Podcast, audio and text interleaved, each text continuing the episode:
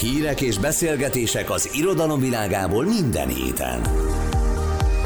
Nemes Anna nem csak híradósként, hanem olvasóként is kérdezi az írókat és költőket. Ha kíváncsiak a legújabb kötetekre és a legizgalmasabb történetekre, hallgassák a könyvmustrát. Szeretettel köszöntöm a könyvmustra hallgatóit, én Nemes Anna vagyok, a vendégem pedig Keller Péter, az élő Gárdonyi arc szerzője, de szerintem sokkal egyszerűbb és egyértelműbb, hogyha azt mondom, hogy Gárdonyi Géza dédunokája. Köszönöm szépen, hogy elfogadta a meghívásomat. Hát én köszönöm, hogy itt lehetek. És a, hát az első kérdésem az az lenne, ami a legjobban foglalkoztat, hogy Gárdonyi leszármazottnak lenni, az ugye sokféle érzés lehet. Lehet felelősség, lehet feladat, lehet, hogy a Péter majd kiavít, de, de akár lehet teher is. Aztán lehet büszkeség is, de erről meg eszembe jut, hogy végül is ez egy állapot. Tudunk állapotra, történésre büszkének lenni. Hogy van ez, Péter? Azt hiszem, mindent elmondottam. Jól felsoroltam? igen, igen, hogy ebben, ebben Vivid nem benne van. De tényleg ez egy állapot, ugye, amiben az ember beleszületik. Valahol, ahogy az ember idősödik, úgy rádöbben arra, hogy ez felelősséggel jár, különösen akkor, hogyha lehetőségek adódnak. Nyilván az is benne van, hogy, hogy hát a felelősség akkor érte valamit tenni kell, ennek megfelelően azt lehet mondani, hogy valami édes teher, ami, ami hát az embernek jól esik. És és úgy összességében én azt mondom, hogy ez egy nagyon-nagyon jó dolog. De én azt gondolom, ugye, hogy a, nekem ugye kitüntetett helyzetem van a dédapám okán, de azt hiszem, hogy a családban élő emberek, akik szeretik a felmenőiket, és tisztelik, azok valahol ugyanezt érzik, mint amit én. Ugye, mert eh, ha, ha, ha jó belegondol az ember, egy családon belül ezek a hagyományok, ezek éltetik azt a közösséget, és, és eh, nagyon sok olyan gyönyörű minta van családon belül is, ami nem kerül ilyen országos vagy világ előtti nyilvánosságra, hanem szépen a rokonok közé, körében eh, terjed, és akkor akkor ezeknek az embereknek azt hiszem ugyanez a dolga. Ugyanez a dolga, ugyanezt érzik. Hát ugye most úgy hirtelen eszembe jut, hát a temetőbe halottak napján miért vannak virágok, meg még miért ég a gyertya ugye, meg, meg miért imádkoznak az emberek a, a, a halottaikért. Tehát, tehát valahol ez a kapcsolat, azt hiszem, ember és ember között, családon belül megvan mindenkinél. És ha, ha tényleg az ember azt nézi, hogy, hogy, hogy épületek, régi dolgok hogyan újulnak fel, tényleg, ugye, akár országosan is lehet ezt mondani. Hát ez azt hiszem valahol ugyanez.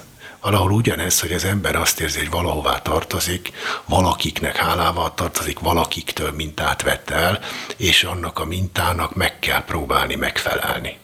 Mikor volt az a pont, amikor akár a kisgyerek Keller Péterben tudatosult, hogy ő bizony Hát nem, nem akárkinek a dédunokája. Mikor volt az a pont, amikor érzékelte, hogy itt lesz feladat? Ú, hát a feladatot azt később, de emlékszem, hogy, hogy van egy ilyen kép bennem, hogy, hogy beteg voltam, és feküdtem az ágyban, és akkor hát valamit olvasni kellett, és hát akkor, akkor valami Gárdonyit olvassunk ez, ez volt. Aztán, aztán ugye hát otthon a, a, a lakásban volt pár gárdonyi emlék, ami nekem nagyon kedves volt mindig, azokat olyan jó leső érzéssel néztem. Ezek mi? Tárgyi emlékek? Tárgyi emlékek, igen. Ezek mik? Tehát, mik voltak? Szobrok, festmények, meg, meg amiről úgy azt mondták, hogy mit tudom én, mondjuk a nagyapám kapta ajándékba ezt, azt, azt, ilyen vázák, meg edények, meg, meg hát sok minden. Könyvek, ugye, könyvek is voltak.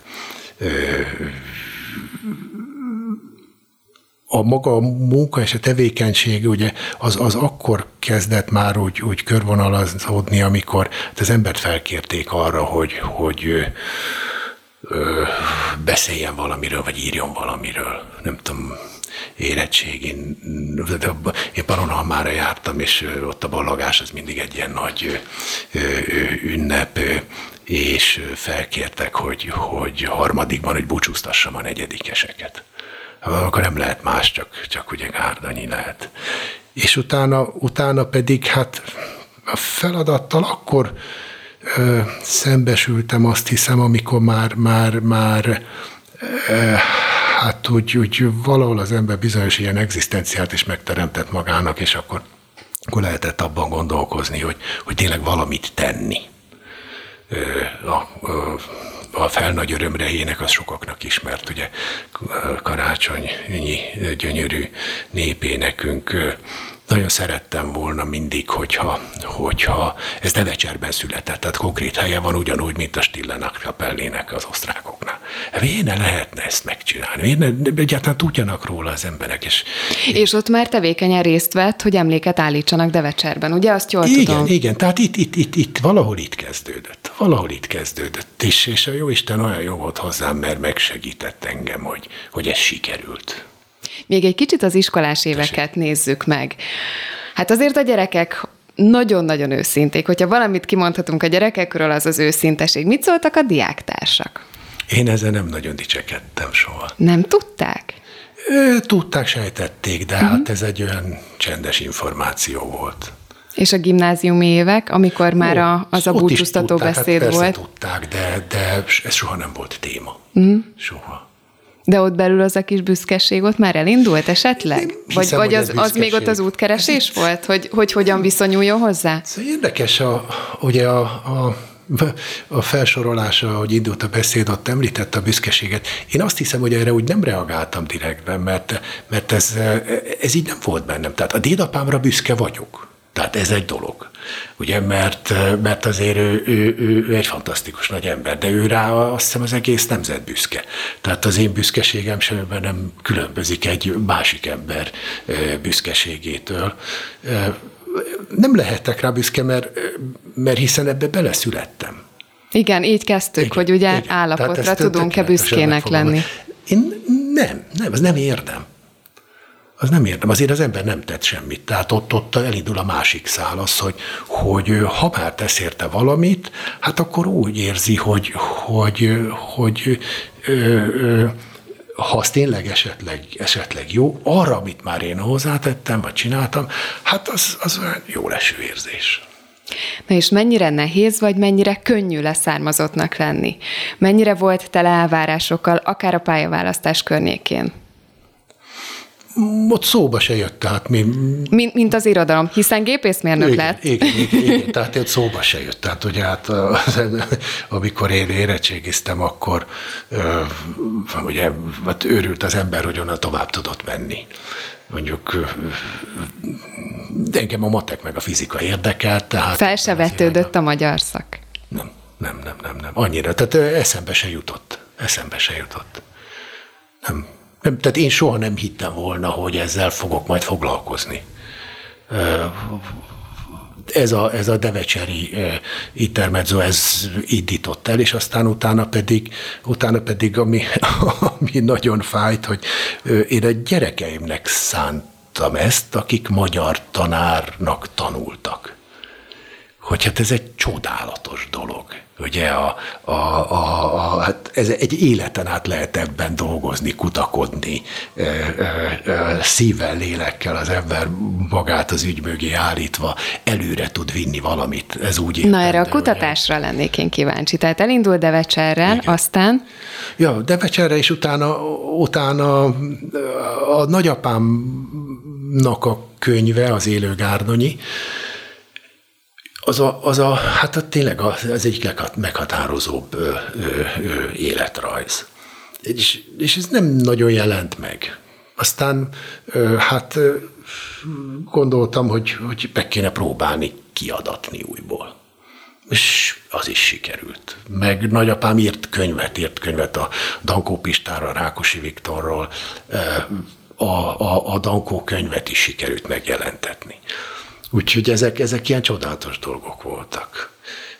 És a, az élőgárdonyi kapcsán kerültem én el azokra a településekre, ahol a dédapám élt. Most könyvemutató kapcsán, hát az ember oda megy, akkor valamit az erről a könyvről kell tudni.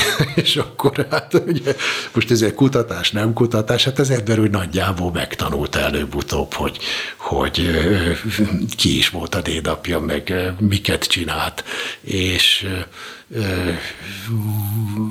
ebből csináltam milyen mindenféle előadásokat, akkor már az embert elkezdték hívni hogy beszéljen, nem tudom, itt, meg ott, meg amott, tehát mindig más volt a téma, és jó Isten megint csak jó volt hozzám, mert annyi erőt adott, hogy, hogy mindig más dolgokról beszéltem. És mivel én nagyon rosszul beszélek, és félek a szabad fogalmazástól gyakran. Rosszul beszél? Igen, ezt, igen. Ezt gondolja magáról, én nem érzékelem. Jó, hát érdekes, hogy megnyomják a gárdonyi gombot, az más, de, de, de igen. Tényleg, ugye előadni azért az egy más szakma szabadon beszélni, akkor már ugye választékosan is kell beszélni, meg legyen értelme, meg eleje, meg közepe, meg vége. Tehát, tehát azt én láttam, hogy a bencéseknél, hogy ők, ők, ők, ők mindig a prédikációt leírták. Tehát nem felolvasták, ott volt előttük. De az meg volt szerkesztve.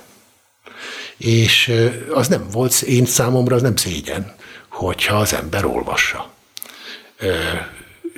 Na most ezek a, ezek a, ezek a beszédek ott voltak én nekem a gépemen, és akkor, akkor egyszer jött egy, egy, egy kedves úr, hogy Péter, esetleg írnád le, ami van a fejedben.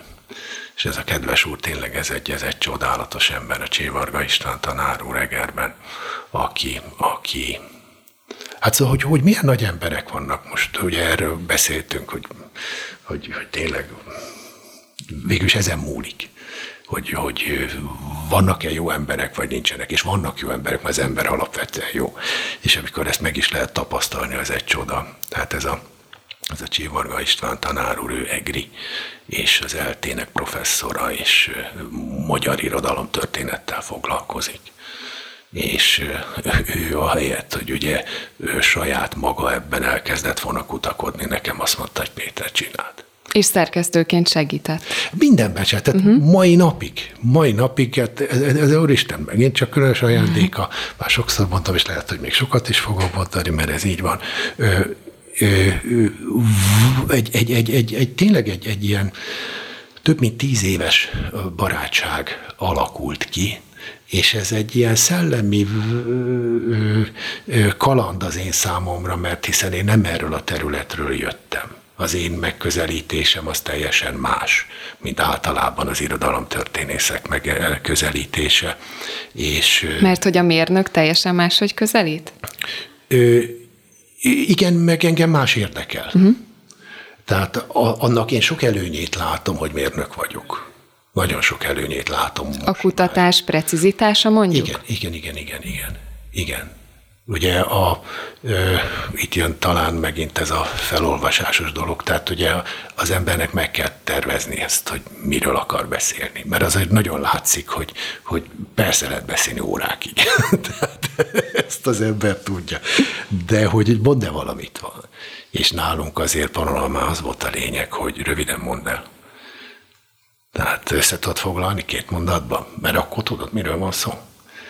Ha nem, akkor, akkor az, hát lehet, hogy benne van az igazság. De itt segített a Péterben élő mérnök, igen. és össze tudta fogni. Igen, igen. Tehát ez, ez tényleg most már azt mondom, hogy egy csoda, és azóta tényleg van pár mérnök ismerősöm, aki, aki segít is nekem ezekben a gárdonyi dolgokban. Tehát vannak olyan dolgok, amiket ők találtak ki, és akkor be, ott jön ugye a sok beszélget, tehát ott azért tudok beszélgetni, igen, mert van egy-két barátom, aki nagyon közel áll hozzám, és ők sem irodalmárok, de, de, de, de ez egy ilyen, megint csak egy ilyen érdekes szellemi közeg, és hát Gárdonyi mindig elő előkerül, és ők mindig ehhez hozzá tudnak tenni sok mindent.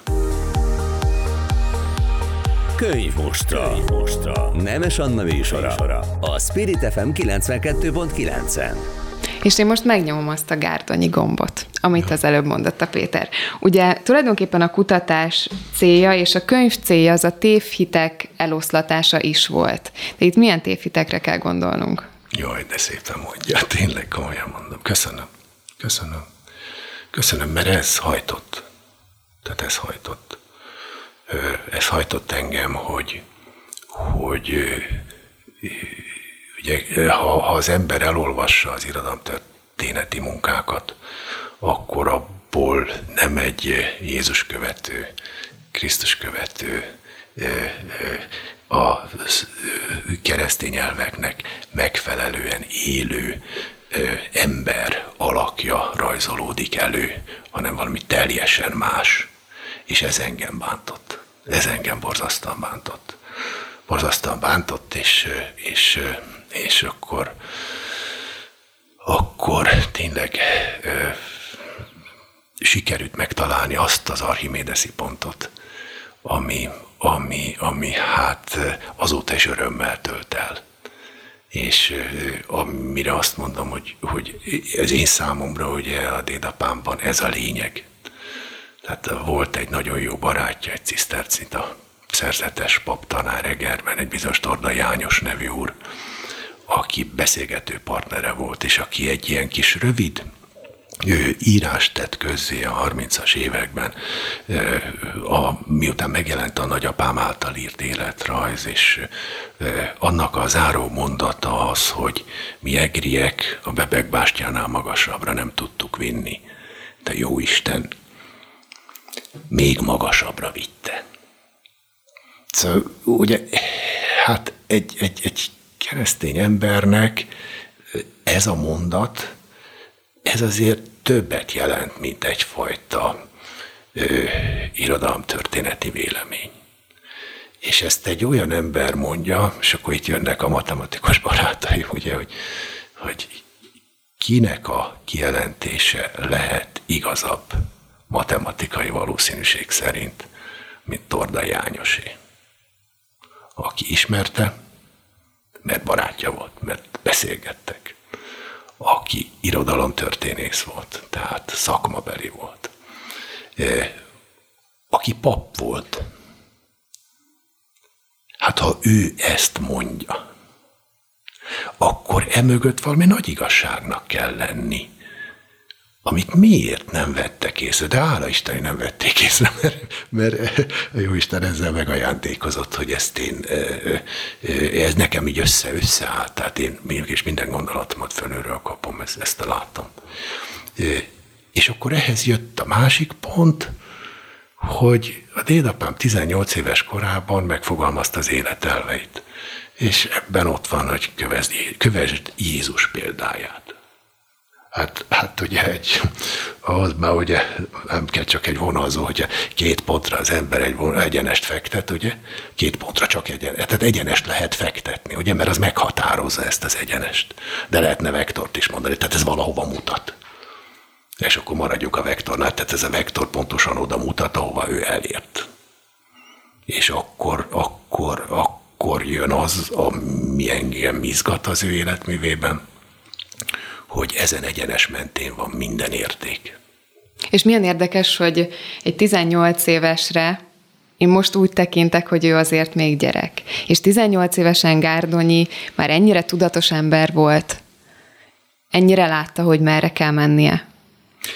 Azért megszületett az az egyenes, hogyha ezt így nem is mondta ki. Megszületett az az, igen, igen, azért sok kacskaringó van az életében. Sok Tehát, költözés. Sok költözés, igen. Tehát ö, ö, ugye ö, sokat a, sokakat a kacskarinkó érdekel engem az egyenes. És ez az, amiben egy kicsit másképp látjuk a világot, sokakkal, de engem is megdöbbent, hogy, hogy valaki, ugye ilyen fiatalon, bár akkor azért 18 éves, az más volt, mint ma 18, tehát azt is látni kell, de akkor is, akkor is egy fiatalember az életelvei közé ezt beteszi. És emellett próbál meg haladni, és célba ért. Tehát ez egy, ez egy tényleg ez egy, ez egy, nem is tudom, ez, ez, egy, ez egy csoda, ez egy csoda, ez egy csoda, és én, én, itt sajnálom, hogy nem vagyok ó, irodalomtörténész, meg a világirodalmat, meg ugye ennyi mindent én nem ismerek, de ahogyan beszélgetek irodalmárokkal, nem nagyon tudok más íróról, akinél ez az egyenes vonal ilyen határozottan megjelenne az életeiben és döbbenetesen aprólékos, és döbbenetesen lelkiismeretes emberről beszélünk. Például az az egyik kedvenc részem volt a könyvemben, 21 évesen három nyelven tanult. Jól mondom, angol, francia, német? Igen. De ezt ő nem úgy művelte, hogy tanulta ezeket a nyelveket, hanem már azonnal, teszem azt, Shakespeare-t fordított. Egészen elképesztő. Igen. Igen, és a, a, a, a, a, ugye olaszul is úgy tanult meg, hogy, hogy Dantét fordított. Ugye el, se értek, tehát azért azt látom, mert azt, azt, azt azért mondják, hogy, hogy, hogy ezek az írók valahogy a nyelvvel másképpen állnak, mint ilyen normál póri halandó, őket a, a, a mi fordításban segít vagy a mi fordítás segíti őket a nyelv elsajátításában. Én, én el sem tudom képzelni, ez nekem egy teljesen ismeretlen világ de úgy látszik, hogy, hogy, hogy, hogy, hogy ez működik. És hát összességében a végére azt hiszem hat nyelvet tudott, és tízezer kötet könyve volt. Tehát, és mindezt egyedül. Tehát valami, valami, valami eszméletlen ö, ö, lelkierő, valami iszonyú fegyelmezettség ö, jellemezte az ő életét és a mindennapjait, és, és nem foglalkozott a világ dolgaival nem izgatta. A saját dolgával foglalkozott. A saját dolgával, de úgy a saját, hogy ő fölfelé igazodott. Uh-huh. És ez nem mindegy. És ez nem mindegy. Ez nagyon nem mindegy. És nagyon tisztában volt azzal ő, hogy mindent fölülről kapott. Mindent. Egy kicsit kanyarodjunk vissza Torda Jányoshoz, mert ugye az ő jellemzése mondhatni sarokpont. Igen. a könyvben. És akkor mehetünk még a tévhitekig is. Ugye Torda Jányos azt mondta, hogy nagyon jó barát volt, de elsősorban nagyon jó apa. Igen, igen, igen, igen. Hát azt most látom, hogy meg ugye a családban is benne volt, hogy, hogy a fiai ő, borzasztóan szerették. Ugye, sajnos senki nem ismerte őt a, a családban, tehát a mamám sem, a nagymamám se, ő is akkor került a családba, amikor, amikor Gárdonyi már meghalt. De azt a nagymama is mindig mesélte, hogy ő a papája, tehát a férje a papájáról, hát, ez védvégi szuperlatívuszokban beszélt. A családon belül a gyerekek számára ő volt a példa, a minta és értelemszerűen a gyerekek a édesapjuk hagyatékát megpróbálták őrizni. Most akkor a beszélgetés legelejére egy kicsit ugye visszautalva, vagy most így jött eszembe, hogy, hogy tényleg ez az emberben valahol aztán úgy elkezdett kicsírázni, hogy hát a nagyapám csinálta, ugye ő sem irodalmár volt, ő, ő jogász volt, meg, köz, meg gazdász volt, mezőgazdász volt.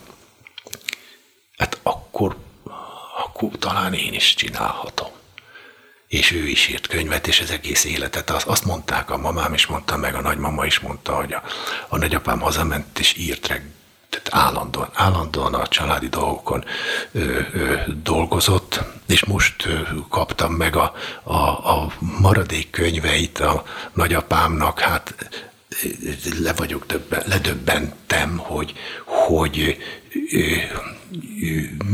mennyit olvasott, és milyen alaposan. Ugye Gárdonyinak fennmaradtak a jegyzetei. Ö, színes ceruzákkal húzogatott alá dolgokat, ö, mindent kijegyzett, hát nagyapám ugyanezt átvette.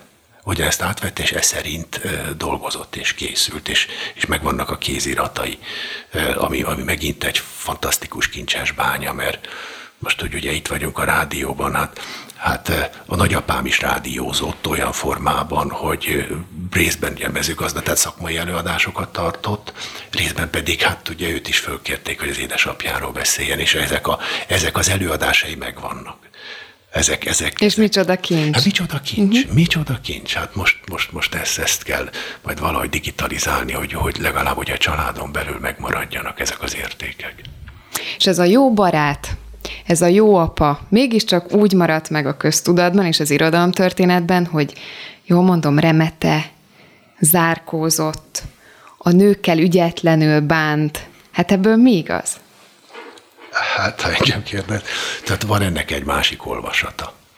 Ö, ugye beszélünk arról, hogy 18 éves volt, amikor megfogalmazta az életelveit, és, és most, és most úgy összeraktam, hogy azt hiszem, hogy 25 éves korára, amikor már megvoltak a gyerekei, gyakorlatilag túl volt egy szerencsétlen házasságon, túl volt egy öngyilkossági kísérleten, és mégis föl tudott állni. Egy nagyon érdekes mondatot találtam az egyik, az életrajzban van, igen, a nagyapám élet, által írt életrajzban, amikor ezek a nagy megpróbáltatásai voltak az édesapjánál, akkor ő azt mondta, hogy, hogy a hitem és a humorom tartott meg engem ebben. És az egri elvonulását, ez, ezen tényleg csodálkozom, hogy hát ha, ha, ha nézi az ember a Tolsztoyt, vagy Magyarországon német Lászlót, vagy a, a, a, a és Gyulát, senki nem vette zokon, hogy elvonul, ugye? Gárdainnál ez valahogy valahogy bekerült a köztudatba. Az az érzésem, hogy egy nagyon jó szándékú gondolat volt talán a Rákosi Viktor részéről, amikor remetének nevezte, de azt mondta, hogy akkor ebből a remete lakból még nagyon sok érdekes dolog jön majd. És, és a dédapám is nevezi magát remetének. De hát ha, ha tehát a remete fogalom az is egy nagyon széles, több, több értelmű szó és azt a szót, hogy mondjuk a Szent Járó most is remetének tartják, hát ezt ritkán emlegetik Gárdonyival kapcsolatban. Pedig, pedig hát végül is csak csendben, elvonultan, tényleg az égre koncentrálva lehet dolgozni. És a tetőablak is az én olvasatomban annyit jelent, hogy hát ő fölülről kapta a fényt, de esetleg nagy f írva, vagy biztosan nagy f írva. Tehát annak De ha dolgozott, jól mondom, akkor besötétített? A kívül igen, kívül igen, Ki, és erre igen. mondja a Torda János, hogy persze, mert a kakas állandó a kukorékon. Tehát a zsalut meg kellett uh, zárni. Úgyhogy, úgyhogy ennyi, ennyi, ennyi igaz, igaz erről. Érdekes, a Ravasz László mondta róla, hogy, hogy ugye Gárdonyi uh, lenni akart, és nem látszani és valóban megválogatta, hogy ki megy, kit enged be a házába. Mert aki csak azért ment hozzá, hogy őt ő, belelásson a dolgaiba, vagy kikémlelje, vagy megnevet, vagy kinevesse, vagy megszólja, azokat nem engedte be. Hát ennél természetesebb reakció van. Nincs. Hogy nincs. aki bánt, azt nem engedem be. Na jó, de hát valószínű, hogy akkor, akkor, akkor hát ezzel kapcsolatban lehet, hogy voltak olyan emberek, akik, akik hát ebben szerettek volna menni, de nem engedték be. Hát érdekes a titkos írására is föl, fölírta, hogy, hogy ez mennyire valóság lehetett hogy, hogy miért mentek oda az emberek, azért mentek oda az emberek, hogy megnézzék, hogy mi van a kézirataiban. Hát mert nyilván az asztala tele volt kézirattal, és akkor hát ugye hát el lehet képzelni, hogy hogy lehet ezt akkor gyorsan közhírét tenni, meg megszerezni az információt.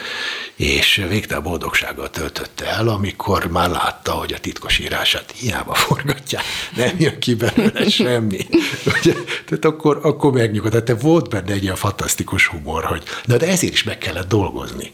Hát egy titkos írást megcsinálni, hát azért ez egy szellemi kaland. Jó volt a humora, és tényleg nem nevetett. Vagy Ezt én Kán? nem tudom. Hát a Tordai azt mondja, hogy mosolygott, befelé uh-huh. mosolygott. Befelé mosolygott, illetve azt is mondják, hogy, hogy a jó történeteivel mindig ő állt a társaság központjába. Tehát jó társasági ember jó is volt. társasági ember. Hát persze, hát most, ha, ha belegondolunk fiatal emberként Szegeden, ott volt a Dankó Pista, a Pósa Lajos, egy remek jó társaság, jártak enni, inni, mulattak, Bulgária kávéház, hát a Dankó nóták, tehát, tehát azért, azért az nem az a, ugye, egy ember persze változik, meg fejlődik, meg ő azt mondta, hogy, hogy lelki fejlődés az a cél, és látjuk, a, a, hogy miken ment át. Tehát a, már ez megtöri az embert, és egy más pályára állítja ez a sok csapás, de meg volt benne az az alapvető vidámság, az az alapvető humor, az a, az a, az a ö, ö, ö, ö, ö, tényleg ember szeretet ami hát gondolom ugye az EGRI társaságát is összehozta, vagy a görelevelekre gondol az ember. Hát, hát szóval azért az, az, sem arról tanúskodik, hogy, hogy valaki egy életidegen ö, ö, író, aki hát ezeket a leveleket gyakorlatilag élete végéig írta. Még Göréről fogom kérdezni, de előtte még egy picit maradjunk a, a humornál, hogy az mennyire volt meghatározó. Humort írt újságban, de politikát soha. Azt kerülte, tudatosan. Azt kerülte. Tudatosan. Miért? Ö, hát szerintem nagyon bölcs volt. Nagyon bölcs volt. Bennem föl sem merül, hogy tehát én is kerülöm, tehát amennyire lehet az ember ettől távol tartja magát. Véleménye volt mindenről, ugye újságíróként dolgozott, tehát ő azért Pesten parlamenti tudósító volt, tehát értett a, a, a, a, a politikához, de, de azt hiszem, hogy, hogy azért az egy, az egy nagy, de ebbe nem akarok belemenni, tehát, tehát fölfelé igazodni, az a szép dolog. És fölfelé mindig lehet igazodni, és egyenes az út. Ő nem, ő tudta, hogy, hogy van egy ilyen mondása, hogy tulajdonképpen ő a másik ember számára igazán nem jelent semmit. Csak annyit, mint mit tudom én, egy tárgy, egy citrom, vagy egy szőnyeg, vagy akármi más. Ő, ő azt is érezte, hogy, hogy a hátán megpróbálnak nagyon sokan fölemelkedni és fölmászni, de ezt sem érezte. Tehát ő azt érezte, hogy, hogy ő, ő, ő kapott a Jóistentől egy fantasztikus tehetséget, ő, azt ő megpróbálta kibontakoztatni, és ezt a tehetséget nem önmagáért kapta, hanem azért, hogy a nemzetét szolgálja. És azért, ha az ember ezt komolyan veszi, nem is marad ideje másra. Tehát itt a barátok kiválogatása, meg a társaság megválasztása azért e, ebben, ebben szintén fontos, mert Tordai mondja róla, hogy hogy ugye Egri, amikor Egerbe került, akkor a, a barátai jelentés része római katolikus pap volt, és a beszélgetések témája a hitigasságok és a Biblia. Hát szóval, most én nem azt mondom, hogy tehát, tehát, ha, ha tényleg, és, és ez megint alátámasztja ezt az egyenest, ezt az egyenest, hogy ő tényleg ezen dolgozott, és az írásaiba is megpróbált tulajdonképpen példabeszédekben gondolkozni. Még akár bibliai történeteket is átírt. Akár ha a novellákat igen, nézzük. Igen, igen, tehát egy nagyon érdekes dolog, mert, mert fölvállalta tulajdonképpen a prédikálást. Ugye egy néptanító tudja, hogy hogy kell beszélni a gyerekkel. És tudja, hogy mi a fontos tárgy. Tehát, mint néptanító, azt ő mondta, hogy az ember szeretett tudomány az a legfontosabb, amit meg kell tanítani a gyereknek. A, a, a, a, a, a magyar nemzetnek, ha a hitét akarja az ember kibontakoztatni, akkor magyar nyelven érthető történetek formájában kell prédikálni. Hát az pedig a példabeszéd. Tehát Jézus is példabeszédekben beszélt, a, és ez tényleg kimutatható, hogy példabeszédekben, gyakorlatilag példabeszédek a történetei, a kis regényei, meg, meg sok minden. És minden történet mögött van egy másik történet. Tehát ez is a példabeszéd logikája. Mert, mert ha, ha most, most nem tudom, mit vegyünk, vegyünk az egri csillagokat, azt ugye sokan ismerik, egy dobóimája mikor változik meg Eger sorsa? És mitől? A dobó imádkozik Szűz Máriához, és a magyar szentekhez. Másik vonal. Ez egy hatalmas csata, ugye, kultúrák egymásnak esnek, megvan a magyar diadal, de mi az igazi diadal? Mikor a végén a két édesanyja kezet fog, és kicseréli a gyereket. Szóval az ember érzi, hogy itt, itt, itt van egy olyan mögöttes üzenet, hogy mit ér az egész világ összes háborúja. Ha, és akkor kérdezte, hogy jó atya, ugye, vagy jó apa. Hát, hát azért erre úgy rá kell érezni, hogy igen, a gyerek hazakerül a saját anyjához. És a két anya tudja, hogy mit jelent. Tudja az egyik, hogy mit jelent a másiknak a gyereke. Tehát ez is egy óriási gondolat. És mindez mindenféle háborús gondolat, és egyéb fölött, ami nagyon érdekes. De hát, de hát valahol ez a Krisztusi dolog. Ugye? És ahhoz képest, hogy ilyen gondolatokat fogalmazott meg, ahhoz képest a legmarkánsabb tulajdonsága, ha mondhatom, azt a szerénysége volt Gárdonyinak. Az.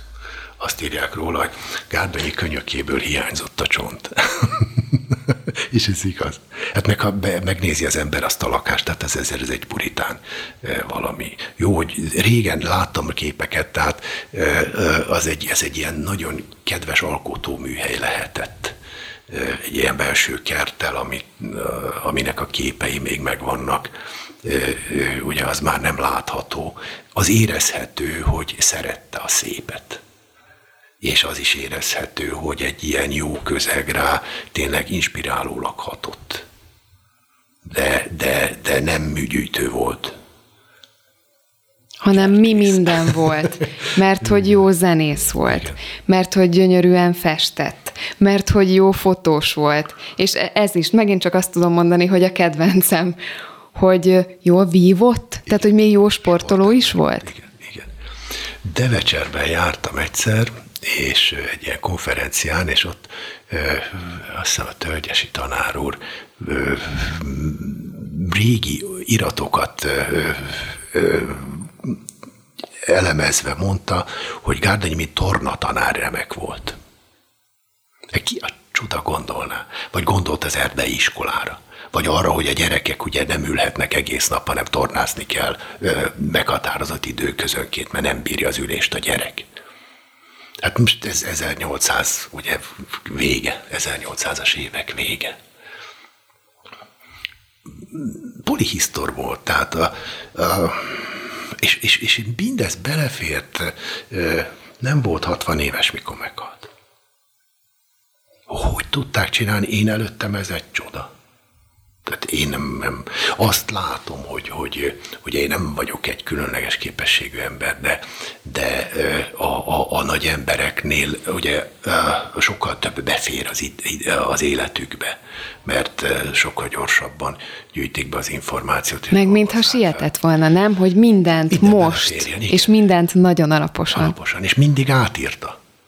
Mindig át, minden, mindenét átírt, mert azt mondta, hogy a javításra az időt ne sajnáld hogy a gyémántot is csiszolni kell. Tehát soha nem volt elégedett a kézirattal? Nem, nem, nem. nem mindent átírt. Mindent átírt.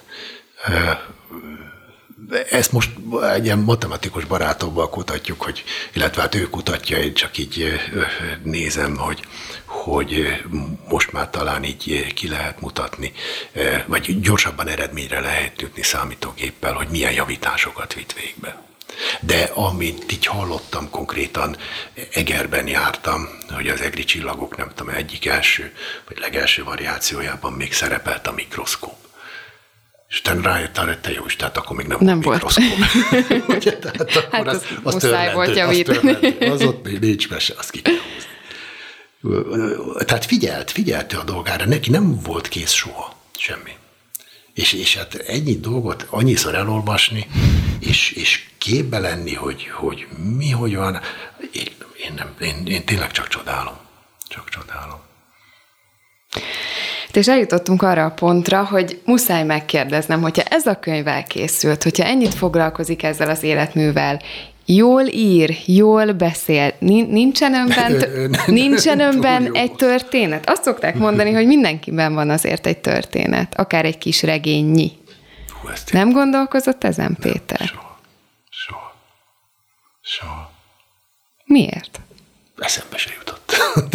Nem, eszembe se jutott. Hát nem, nem, nem. Szóval, hát nekem ez a dolgom. Én ezt szeretem csinálni, jó Isten jó hozzám engedi, hogy csináljam. Nekem ez örömet okoz. Én azt hiszem, hogy, hogy tehát azzal a szándékkal csinálom én is, hogy, hogy másoknak felhívem a figyelmét, hogy itt kincsről van szó. Tehát nem a magam ügyét hajtom én ezzel. Ö, ö, azt próbálom csak mondani, hogy, hogy különösen ebben a zavaros világban ö, ö, ö, szükség van fogódzókra, és itt van, egy, itt, van, itt van egy lehetőség. És én így látom. Ennyit tudok én ezt hozzátenni, én többet nem. De valamit még igen, mert hogy a szívügye mindenek felett az azért a göre. Ja, hát jó. Az azért a göre. Hát a göre, igen, a göre. Jaj, hát ha itt szabad elmondani, úgyhogy nagyon köszönöm, Hát hogy kérem, hogy kedves mondjad. volt, hogy, hogy, hogy oda is eljött, és megnézte a mi kis falunkat, ahol, ahol, ahol, ahol, hát ugye azt a, azt a gárdonyit is, egyszerűen azt a világot próbáljuk meg valahogy visszavarázsolni, ami, ami az ő, ő korában lehetett. Hát ez is egy ilyen, tényleg, ez is egy csoda jó Istentől, hogy, hogy megadatott hat éven keresztül, hogy ezt meg lehetett csinálni, hogy, hogy, hogy egy kis faluból lehetett kulturális központot varázsolni. Ez ugye szőlős györök. Ez szőlős györök, igen, igen, igen, igen.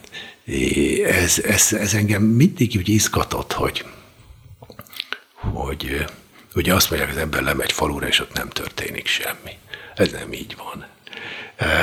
Ott nagyon jó emberek vannak, tényleg csodálatos emberek, tenni akaró emberek, akik, akik, akik egy ilyen kis, kis, kis, kis, kis közeget, egymás segítő, egymást inspiráló kis közeget tudnak létrehozni, és az, annak van, van kisugárzása. Van kisugárzása. Most írta valaki, mert hát egy ilyen kis, kis emlékkönyvet szeretnék a, kiadni a, a görög konferenciák történetéről, tehát az ilyen válogatott előadás sorozatot, és és ott az egyik ismerős írta, hogy hát nagyon jó volt lenni, nagyon jó volt beszélgetni, most már én is somogyinak érzem magam. Ez azért jó ez érzés, azért, ez nem? azért egy jó érzés. Eredmény. Ez azért Igen. egy jó érzés. Hogy, hogy tényleg olyan, itt is azt tudom mondani, hogy annyi szép hely van az országban. És ha az ember megnézi ezeket a régi ö, kúriákat, hogy ott micsoda kultúrélet volt. Hát ott kö- közelünkben is nagyon sok van. Hát följegyezték, nem, ott is több tízezres könyvtárak voltak. Semmi nincs már belőle, ugye szétvertek mindent. De, de, de, de volt élet. Volt élet, ö, volt zene, hát a, a, a, a Liszt bejárta az országot, ugye ide-oda-oda ment videóval, volt zongora, volt terem, volt közönség, értették, hát, hát, hát ez, miért ne lehetne ma is ezt csinálni? Na de mi van szőlős györökön? Amiért érdemes elmenni egy gárdonyi göretúrára? Hát Györökön, Györökön Magyarország első köztéri Göre Gábor szobra szőlős Györökön van, amit Bellosevics Emese csinált. Ez egy, ez egy, ez egy, ez egy tényleg egy csodálatos alkotás.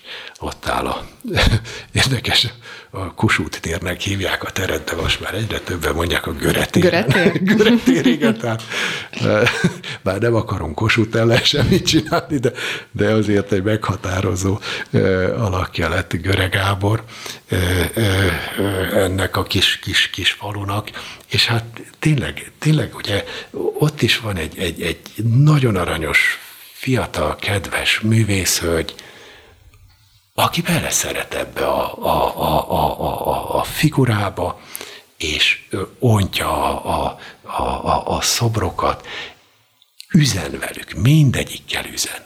Mindegyikkel üzen. Lefordítja a régi üzenetet a szobrász szívével, kezével, lelkével, ö, ö, mai ö, jó kívánságokká, vidámító pillanatokká. Tényleg én csak, megint csak azt mondom, hogy, hogy valószínű, hogy jó ügy ez, mert ez fölülről vezérelt. Nagyon szépen köszönöm, hogy itt volt, és én nagyon remélem, hogy ez a történet, ami szerintem önben van, az egyszer majd könyvformában megszületik. Én bízom ebben. Jaj, tényleg nem. köszönöm, hogy itt volt, én Péter. Köszönöm, én köszönöm. És a hallgatóknak köszönöm a figyelmet, a könyv Mustra adását hallották. Keller Péter, az Élő Gárdonyi Arc című kötet szerzője, és Gárdonyi Géza dédunokája volt a vendégem, viszont hallásra. Ez volt a Könyv Mostra. Mostra. Nemes Anna műsora. A Spirit FM 92.9-en.